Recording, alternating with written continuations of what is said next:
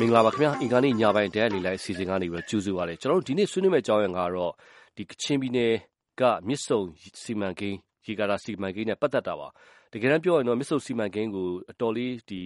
စီမံကိန်းကြီးတစ်ခုလုံးရပ်ဆိုင်းထားတာ9နှစ်လောက်ကြာခဲ့ပြီဖြစ်ပါတယ်ဒါပေမဲ့မကြာခင်တုန်းကတရုတ်တမတ်ကနေပြီးတော့ဒီမြစ်ဆုံစီမံကိန်းပြန်ဆလို့တဲ့သဘောဒီကချင်ပြည်နယ်မှာရှိတဲ့နိုင်ငံရေးဖွဲ့စည်းလူမှုရေးဖွဲ့စည်းတွေနဲ့တွဲဆုံစင်မှာပြောခဲ့တာကြောင့်ဒီကိစ္စကပြန်ပြီးတော့နေရာယူလာပါတယ်ပြောရမယ်ဆိုရင်တော့လက်ရှိ NLD အစိုးရအနေနဲ့ဒီ မြစ်ဆုံစီမံကိန်းနဲ့ပတ်သက်ပြီးတော့ သူတို့သေချာလေ့လာပြီးတော့ အများပြည်သူကို ချပြမယ်ဆိုပြီးတော့ ရွေးကောက်ပွဲကာလကလေးကသူတို့လူထုကိုဂရုပေးခဲ့တာရှိပါတယ် ဒါပေမဲ့ဒီနေ့တက်ထိ ဒီမြစ်ဆုံစီမံကိန်းနဲ့ပတ်သက်ပြီးတော့ NLD အစိုးရအနေနဲ့အာတိကျကျ သဘောထား ထုတ်ပြန်ပြောဆိုတာမျိုး မတွေ့ရသေးပါဘူး ဒါကြောင့်မလို့ အခုဒီဆွေးနွေးပွဲမှာတော့ဒီအဓိက တရုတ်နိုင်ငံရဲ့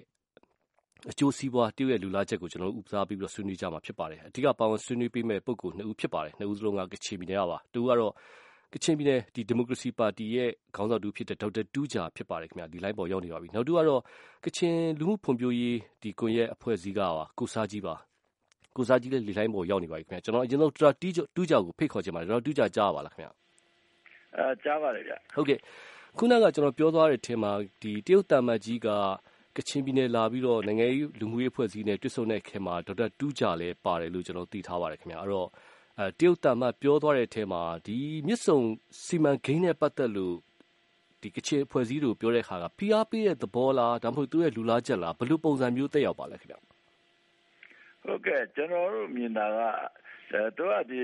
စီးပွားရေးဖွံ့ဖြိုးတိုးတက်ရေးအကြောင်းပြောတဲ့အချိန်မှာဒါလက်စစ်က အရေးကြီးတာပေါ့လေနော်လက်စစ်လုံလောက်ရမှာဒါဖွံ့ဖြိုးရေး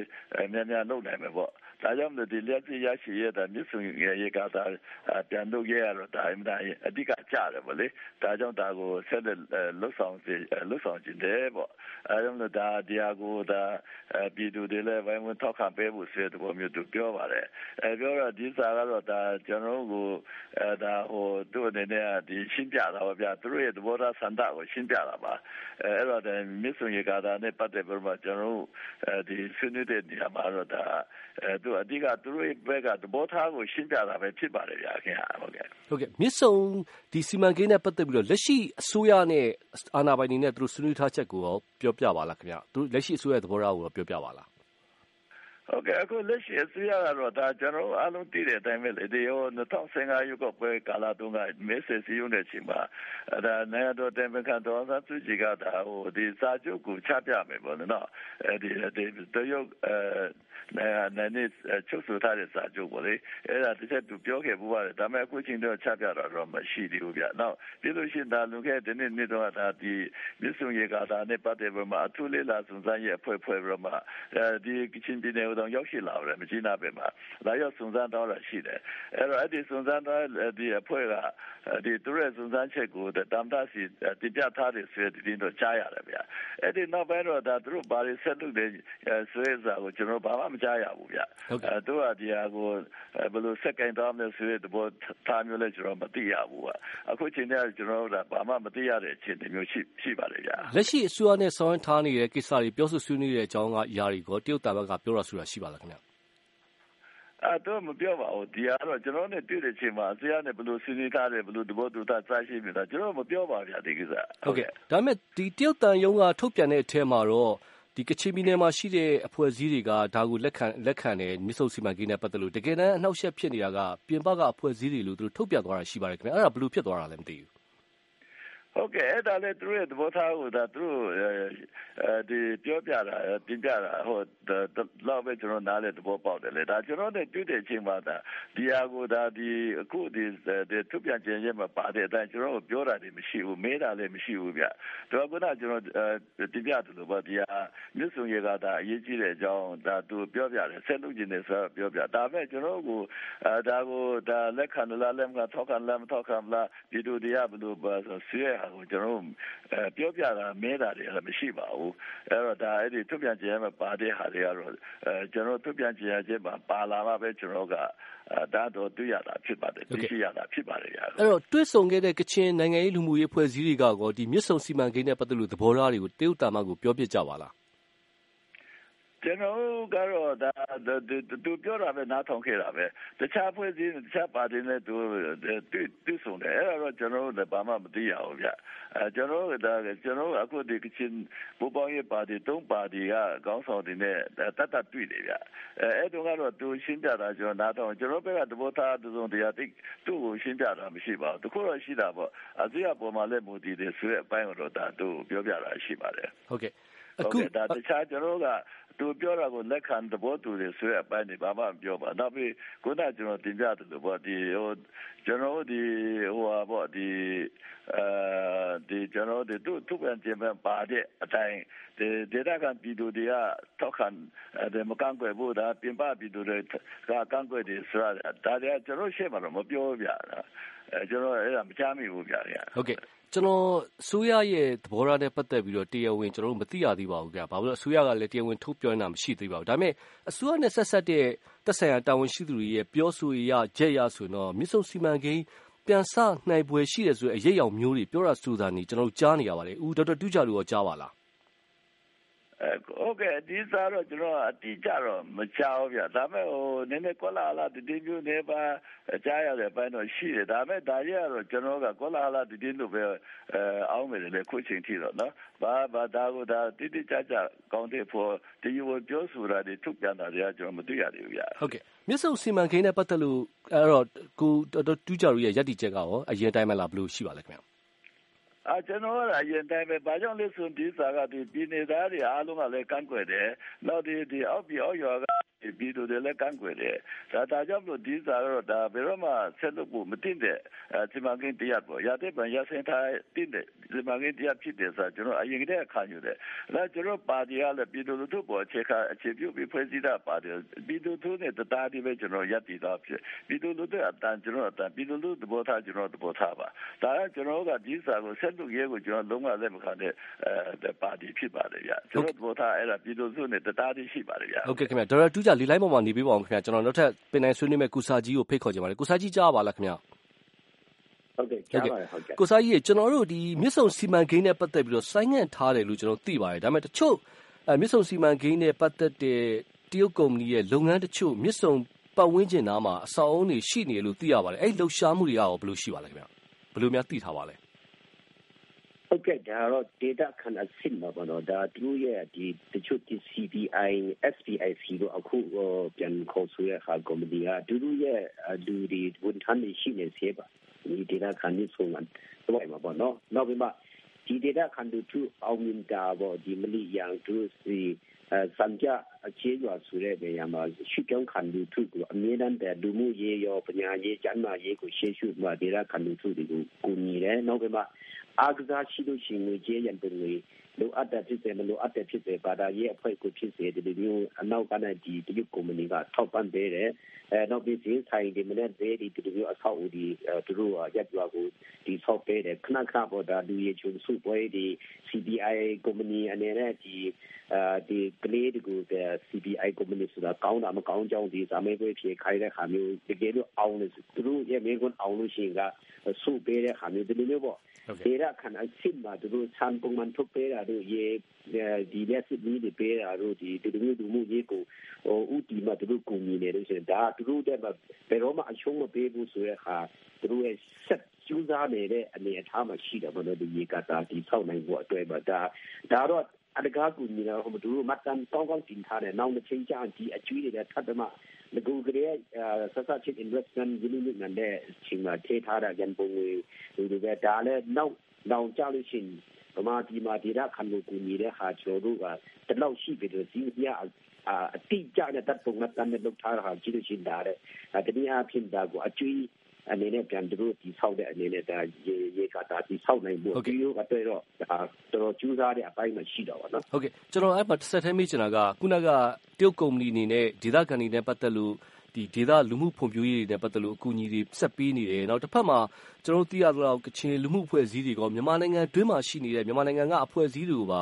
တရုတ်နိုင်ငံကို ဖိတ်ခေါ်ပြီးတော့ဒီမြစ်ဆုံနဲ့ပတ်သက်လို့ ရှင်းလင်းဖြောင်းဖြတာလည်း ကျွန်တော် ခဏခဏ ကြားနေရတယ် အဲ့တော့အဲဒေသခံတွေထဲမှာရော လူမှုဖွဲ့စည်းတွေထဲမှာရောဒီမြစ်ဆုံနဲ့ပတ်သက်ပြီးတော့ သဘောထား တစုံတရာ ပြောင်းတာရော ရှိပါလားကျွ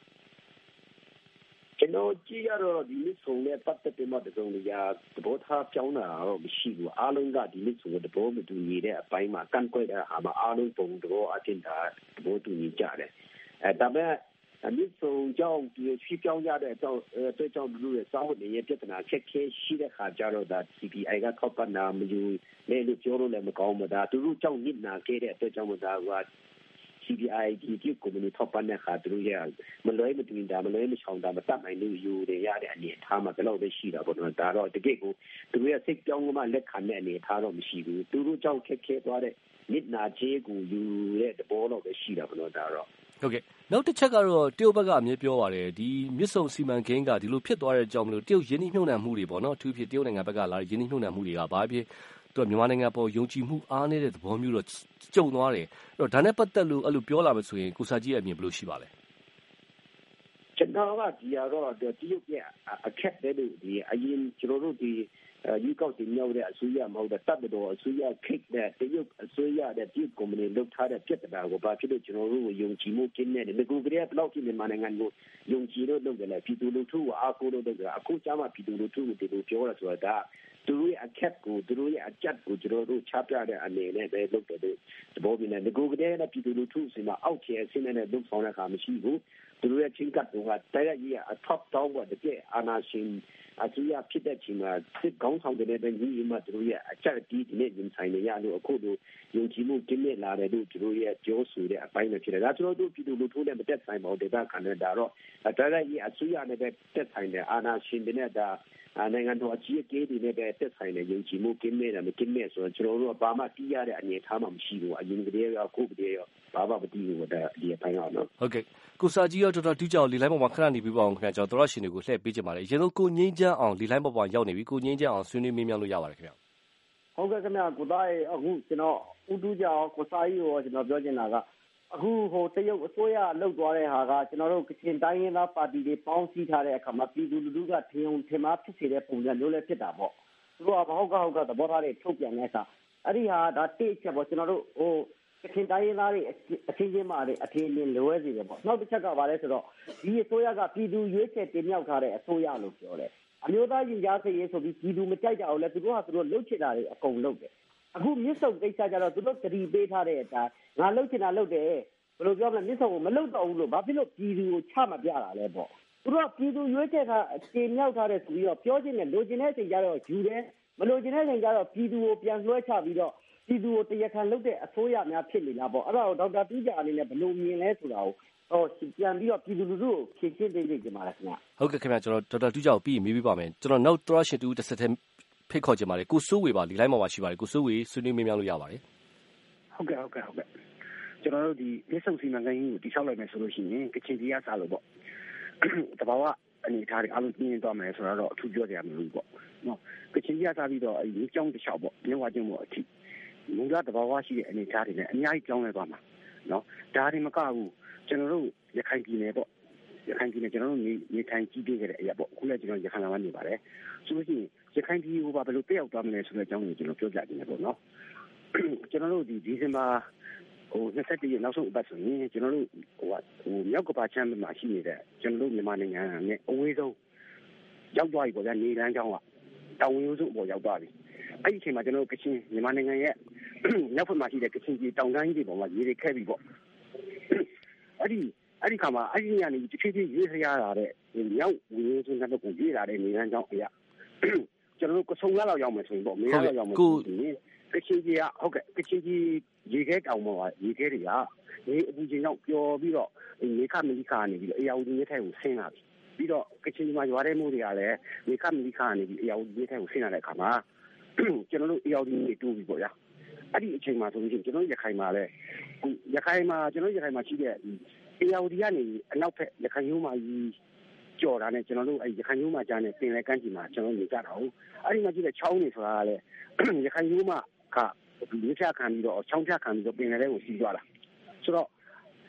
မိုးပြတ်ကြတဲ့ကရေတွေကတဖြည်းဖြည်းနည်းနည်းနည်းနည်းဒီကုဆုံတောင်းလေးပေါ်နေတော့ကြောက်တောင်းလေးကြောက်တောင်းလေးအဲ့ဒီမှာနေရာဒီဆိုလို့ရှိရင်တည့်ရည်ကြူရမယ်ဒီတဲ့တည့်ရည်တွေကကြောက်ခွဲပေါ်တွေဟုတ်ကဲ့ကိုစိုးဝင်နဲ့တိုးတင်းလေးချုပ်ပြပါဟုတ်ကဲ့အဲ့ဒီအချိန်မှာအဲ့အေယော်ဒီမြေတိုးလာပြီဆိုတာနဲ့နော်အေယော်ဒီမြေမြေတိုးလာပြီဆိုတာနဲ့ ကျကျွန်တော်တို့ရခိုင်ဘက်ကချောင်းတွေကလည်းရေတွေတိုးပြီးတော့ဖြစ်ဖြစ်တွေရေမှာမျောပြီးတော့ငားတွေပစုံတွေလက်တရားဆိုပြီးပြောကြတယ်ပေါ့နော်ဒါဒါဒါဒါအယောက်တင်းရဲ့တယောက်ဘူးပေါ့နော်တကယ်လို့တော့အဲ့မြစ်ဆုံမှာရေကာလာကြီးချောက်လိုက်ရင်အယောက်တင်းကြီးတဘာဝကြီးကြောင်းလဲသွားတယ်လို့ကျွန်တော်တို့ရခိုင်ကချောင်းတွေကြောင်းတွေကြောင်းလဲသွားမယ်ကျွန်တော်တို့တဘာဝပတ်ဝန်းကျင်ပေါ့ငားတွေပစုံတွေဒါကျွန်တော်တို့ ဒါမြင်ရတဲ့အတိုင်းဒါကျွန်တော်တို့မမြင်နိုင်တဲ့ဟိုတက်ရောက်မှုတွေအများကြီးရှိနေဦးမယ်လို့ကျွန်တော်ပြောချင်တယ်ဟုတ်ကဲ့ကိုစိုးဝေကျေးဇူးပါခင်ဗျာသဘောပေါင်းဝင်နဲ့ပတ်သက်လို့ရိုက်ခတ်မှုကိုစိုးဝေရဲ့စိုးရင်ချက်ပေါ့နော်ကျွန်တော်အခုပင်နယ်ဆွေးနွေးတဲ့သူတွေပြန်လှည့်ပေးကြပါလေရင်းဆုံးတော်တော်တူးကြကိုပြန်ဖိတ်ခေါ်ကြပါလေခုနကကုငင်းချမ်းအောင်ဆွေးနွေးမင်းမြန်သွားတဲ့အထက်မှာလက်ရှိ NLD အစိုးရကအဲသူတို့ပြောထားတဲ့ဂတိလိုမျိုးဒီမြစ်ဆုံနဲ့ပတ်သက်လို့လူလူကိုချမပြနိုင်တာညတစုံတရာပြတ်သားဖြစ်မပေးနိုင်တာဒါကြောင့်အခုတက်ထိဘာကြောင့်ကြန့်ကြာနေတယ်လို့တော်တော်တူးကြယူဆပါလဲခင်ဗျာ ဟုတ်ကဲ့ဒီဟာကတော့ကျွန်တော်အမြန်ဖြည့်ရှင်းဖို့လိုအပ်တဲ့ဒီစီမံကိန်းတရားပါကျွန်တော်အမြင်ကတော့ဒါဟိုနာတာရှိယောဂလိုဇာမျိုးကြီးလိုဖြစ်ဖြစ်နေတာဒါကအမြန်အဆုံးသတ်ဖို့လိုအပ်နေပြီဆိုတော့အခုဒီလက်ရှိအစိုးရအနေနဲ့ကတော့ဒါကိုအဆုံးသတ်ဖို့ဒါတာဝန်ရှိဆုံးပေါ့ဗျာအဲကြောင့်မလို့ဒါကိုပြည်သူလူထုကဒါဘယ်တော့မှဆက်မလုပ်တော့ပါဘူးဒါရတဲ့ပန်ရထားလိုက်ပါပြီဆွဲဟာပြည်သူလူထုကအသိပေးဖို့ အဲအဲ့ဒါတစ်ချက်လိုမယ်နောက်တစ်ချက်ကဒီဟိုဒီအစိုးရနေပေါ့ဒီအစိုးရချင်းအစိုးရရှင်းရှင်းစရာရှိတဲ့အဲဒီဒီအဲ့ရင်းနှီးမြှုပ်နှံမှုဆိုင်ရာပြဿနာဒါဒီကိုအမြန်ရှင်းပြီးတော့မှအဲဒီမြစ်စုရေကာတာနဲ့ပတ်သက်ပြီးတော့အဆုံးသတ်ဖို့လိုအပ်နေလို့ထင်ပါတယ်ဒါဒီလက်ရှိအစိုးရ NLD အစိုးရမှာလည်းဒီ idea တွေရှိမယ်လို့ထင်ပါတယ်ဒါကြောင့်သူတို့ကဒီလက်လာစုံစမ်းရဲ့အဖွဲ့တော်လွတ်ထားတာပဲဆိုတော့အဲ့ဒီလက်လာစုံစမ်းရဲ့အဖွဲ့ရဲ့နောက်ဆက်တွဲတွေအကျကျွန်တော်ပြန်မချရတာအဲ့ဒါအဲ့ဒါလိုလိုလိုနေတာပေါ့ဗျာဒါကြောင့်မလို့ဒီစာကကျွန်တော်တို့လည်းဒီလေလိုက်ပေါ်နေအကြံပြုချင်တာကတော့ဒီတိုင်းတော်ဆွေရအနေနဲ့ဒါကြီးကိုတမျိုးကြီးလို့မထားဘဲနဲ့အမြန်ဖြည့်ရှင်းတင်တယ်လို့ဖြည့်ရှင်းတဲ့နေရာမှာတော့ဒါနှစ်ပိုင်းရှိမယ်ခုနကျွန်တော်တင်ပြတယ်လို့ပဲတစ်ပိုင်းကတော့ဒါပြည်သူလူထုကိုဒီမြစ်ဆုံရေကဒါဘယ်တော့မှဆက်မလုပ်တော့ပါရတဲ့ပံရထားလိုက်ပြီးဆိုတာပထမပိုင်းနေတာပြည်သူလူထုအတိပေးရမယ်ဂတိပေးရမယ်ဒါတစ်ချက်ဒုတိယကတော့ဒါဟိုအစိုးရချင်းရှင်းရမယ်ဆိုတော့အများလည်းရှင်းလိုက်လို့ရှင်းတော့အကောင်းဆုံးဖြစ်မယ်ဒီဟာကိုဒီတိုင်းပဲပြောထားမယ်ဆိုလို့ရှိရင်ပြဿနာတစ်ခုပြီးတစ်ခုတက်လာမှာပဲဒါမစိုးနိုင်တဲ့ပြဿနာထုတ်ကြီးလို့ဖြစ်နေပါဟုတ်ကဲ့ကျွန်တော်ဒီနေရာမှာတစ်ချက်မေးချင်တာကလက်ရှိ NLD အစိုးရတက်လာတဲ့ခါမှာဟိုဘက်မှာရခိုင်ပြည်နယ်ကိစ္စတခြားလူခွင့်ကိစ္စတွေဖြစ်တဲ့ခါကျတော့နောက်နိုင်ငံတွေကတော်များပြင်းထန်ဝေဖန်ကြပါတယ်ခင်ဗျအဲ့တော့အနေထားမှာတရုတ်က ဘာပြောပြော ကုလသမဂ္ဂ နိုင်ငံတကာရင်းပြင်းမှာ တရုတ်နိုင်ငံဘက်က မြန်မာနိုင်ငံနဲ့ ပတ်သက်လို့ အကာအကွယ်တစုံတရာပေးနိုင်တဲ့ အနေအထားမျိုးမှာ ကြုံနေရတယ် အဲ့တော့ တရုတ်ဩဇာကို တစုံတရာလွန်ဆန်ဖို့ လက်ရှိအစိုးရမှလည်း ခက်ခဲတဲ့ဆိုတဲ့ အမြင်တွေလည်း ရှိကြတယ် ဒေါက်တာတူးကြအောင်ဘယ်လိုမြင်ပါလဲ ဟုတ်ကဲ့ ဒါလည်းဒါစဉ်းစားစရာပဲ ဒါပေမဲ့ဒါတော့ အဓိက မထားတင်ဘူးဒါဒီဒီမြစ်စုကြီးကဒါဆိုတာကတော့ဒါ ဘလို့အန်တီကြီးလေကြီးမလေးဆိုတော့အလုံးသိတာပဲဒါကြောင့်မို့ဒီအပေးယူရှော့တင်လုပ်เสียလဲအကြောင်းမရှိဘူးဗျဒါကြောင့်ဒီဒီဒီအစီအချင်းချင်းအဲနိုင်ငံနိုင်ငံ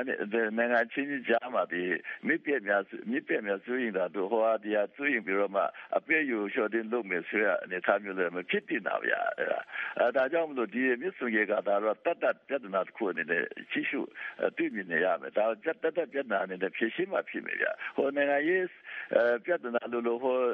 ဒီစီဝိုင်းပြဿနာလို့လို့အဲ့လိုဆွဲသွင်းပြီးမှအဲ့ဒါစဉ်းစားနေမယ်ဆိုလို့ရှိရင်တော့မှန်ကန်မှုမရှိဘူးလို့ထင်ပါတယ်ဗျာကျွန်တော်ကတော့ဟုတ်ကဲ့ဒေါက်တာတူးကြကျေးဇူးပါခင်ဗျာကျွန်တော်ကိုစားကြီးကိုဖိတ်ခေါ်ချင်ပါတယ်ကိုစားကြီးကြားရမယ်ထင်ပါတယ်ကိုစားကြီးကျွန်တော်တခုမေးချင်တာကလက်ရှိမြစ်ဆုံစီမံကိန်းကတရုတ်နိုင်ငံဘက်ကအဲ့လောက်ထိစိတ်ဝင်စားနေအောင်တကယ်ပဲတရုတ်နိုင်ငံဘက်ကမြစ်ဆုံစီမံကိန်းကရလာမယ်လက်စစ် ဓာတ်အားကို တကယ်ပဲ တရုတ်နိုင်ငံက အလိုရှိနေတာလား ဒါမှမဟုတ် တရုတ်အကျိုးစီးပွားကို အကာအကွယ်ပေးချင်တာလား ဒါမှမဟုတ် နိုင်ငံရေးဩဇာ ထူထောင်ချင်တာလား ဘယ်လိုမျိုး သုံးသပ်လို့ရမလဲ တရုတ်နိုင်ငံကဘက်က ဘာကြောင့် အဲ့လောက်ထိလိုလားလား ဖြစ်နေတာလဲ ကျွန်တော်က ဒီလစ်ဆုံစီမံကိန်းတဲ့ ပတ်သက်တဲ့ဟာဒါတခါတည်း သူတို့ရဲ့ OBOR ဆိုတဲ့ထဲပါစီမံကိန်းကမှတထားတဲ့ပါတယ် ဒါကြောင့်လစ်ဆုံက တခါ သူတို့ရဲ့ ရင်းနှီးမြှုပ်နှံမှု ထဲမှာဒီအာသူရဲ့ယူလူနဲ့မမာနာအင်နာအင်မတန်ကြီးထဲမှာပါပြီးသားဖြစ်တဲ့အခါကျတော့တကယ်တော့တရုတ်ပြည်မှာရေအားတဲ့စစ်တော့သူတို့စီမှာလူအထတဲ့ထုံပူနေပြီဖြစ်တယ်ဒါတခြားနိုင်ငံကိုရောင်းစားဖို့ဒါဒီလောက်ပဲလူအပ်မှာဒါနောက်တစ်ခုကမြန်မာနိုင်ငံကိုသူက ကျက်တူသူရဲ့ဩဇာအောက်မှာလုပ်ဖို့တော့တိဘက်မှာထိန်းတဲ့ဘောမှာတိဘက်မှာဟိုရန်စီမြစ်ဒီဂိမ်းကမြစ်ဒီအားလုံးကတိဘက်လာတိဘက်မှာရေကတာပေါင်းမြောက်များစွာလုပ်တဲ့ချိန်တိဘက်လူထုကို